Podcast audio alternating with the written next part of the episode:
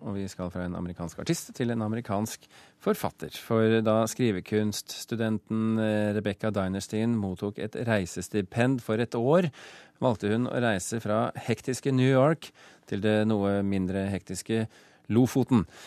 Etter et eh, par måneder hadde hun lært norsk, og når året var omme, hadde hun skrevet dikt til å fylle en bok. En bok som da selvfølgelig fikk navnet Lofoten, og som kommer ut på Aschehoug nå i disse dager. Velkommen til Kulturnytt, Rebekka Dynastin. Tusen takk. Så veldig hyggelig å være her. Hyggelig å ha deg her.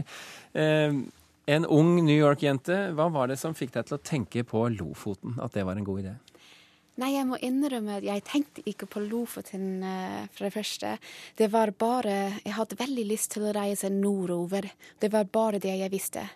Uh, jeg hadde bodd litt i Irland, og da ble jeg veldig liksom, fascinert med å være i nord. Og jeg visste at uh, jeg kunne reise enda lenger opp. og um, da, da, jeg fikk det stipendet, hadde jeg plutselig sjansen til å virkelig reise. Og um, da visste jeg bare at jeg skulle til Skandinavia, men jeg visste ikke hvor. Og det med Lofoten var veldig, veldig tilfeldig, og uh, i mitt tilfelle veldig heldig også. Hvorfor var det tilfeldig? Hva var det som dyttet deg i den retningen? Det var først og fremst yndlingsprofessoren min på Yale, der jeg studerte litteratur, um, som sa til meg du drar til Norge fordi jeg kjenner en som jobber på Nasjonalbiblioteket i Oslo, og han kan kanskje skaffe litt som skriverstasjon til deg, vet ikke. Og så dro jeg bare til Oslo med koffert. og da begynte det. Og det var faktisk han nasjonalbibliotekmannens onkel som eh, bodde i Lofoten, og som fortalte meg at jeg kunne leie et rom i Lofoten hvis jeg hadde lyst til det. Tilfeldighetenes spill, altså? Riktig. Hvordan var det, og jeg må bare stille deg det spørsmålet først, forresten. Hvordan har du lært å snakke så godt norsk på så kort tid? Nei, det var hyggelig sagt. Jeg, jeg vet ikke, fordi jeg kan ikke som, um, Jeg er ikke noe flink med et språk. Jeg, kan, jeg prøvde å lære meg fransk, og jeg kan ikke det engang. Men det var noe med norsk som bare gikk. Det Jeg, det, jeg vet ikke. Men jeg er veldig forelsket i Norge og norsk, så jeg hadde veldig lyst til å snakke det, og så snakker jeg det. Men jeg vet ikke hvordan, nei.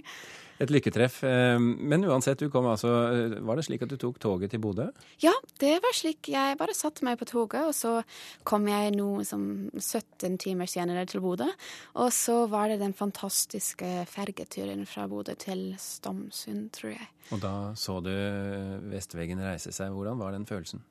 Det var som å treffe dinosaurer, som jeg har sagt. Det som, uh, jeg hadde aldri sett noe sånt før. Selv om bygningene i New York er veldig høye. Og der var det kanskje noe som jeg hadde sett før. Men uh, det var et landskamp som jeg hadde aldri sett for meg. Uh, som jeg kunne aldri ha forestilt. Så um, jeg ble bare veldig glad for å være der. Men følte du deg litt bortkommen også?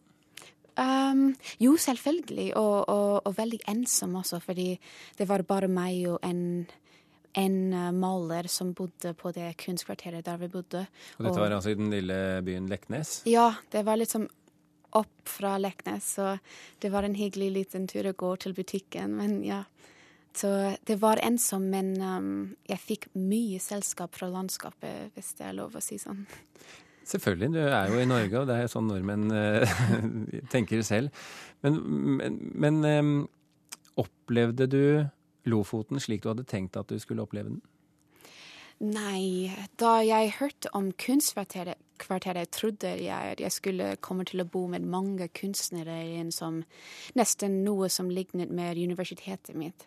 Um, men da jeg kom frem, og det var bare oss to, meg og kjære Alf, som uh, malte på den andre etasjen um, uh, trodde jeg at jeg kanskje skulle bli gal, egentlig.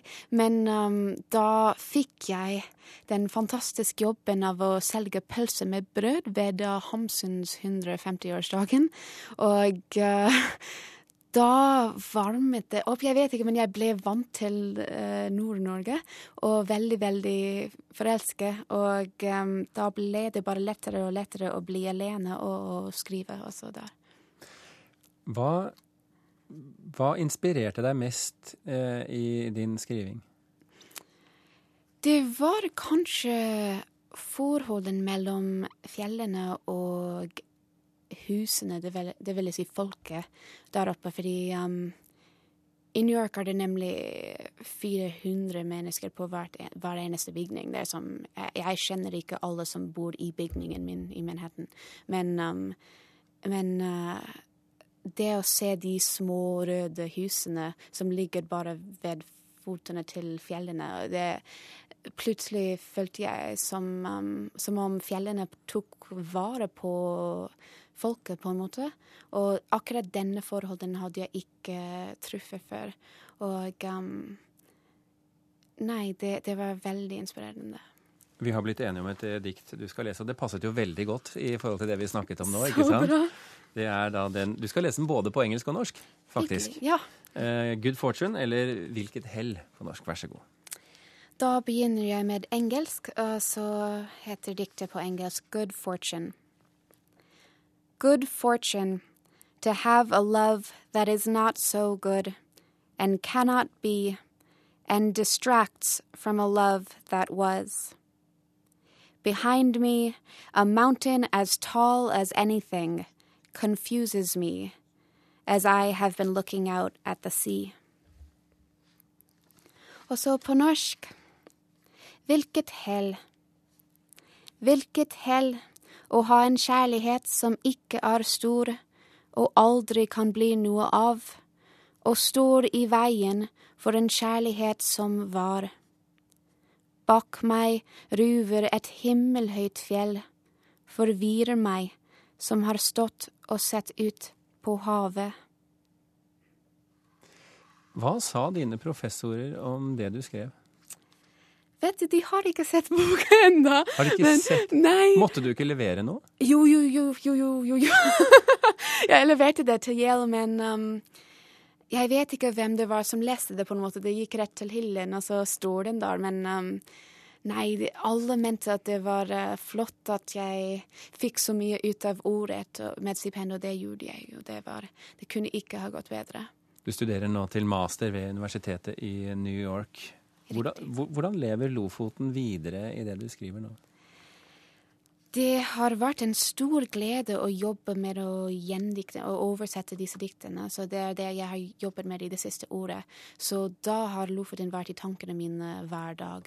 Og uh, nå at boken eksisterer, og jeg kommer til å drive litt med den i USA også, kommer Lofoten til å være som immunen min, for å si det sånn, som hver dag. Så jeg gleder meg til det. Rebekka Dynastin, gratulerer med din eh, norske og engelske debut. Og gratulerer med, med, med, all den gode kritikk du kommer til å få. Og lykke til videre i karrieren. Tusen takk. Takk for at du kom til eh, Kulturnytt.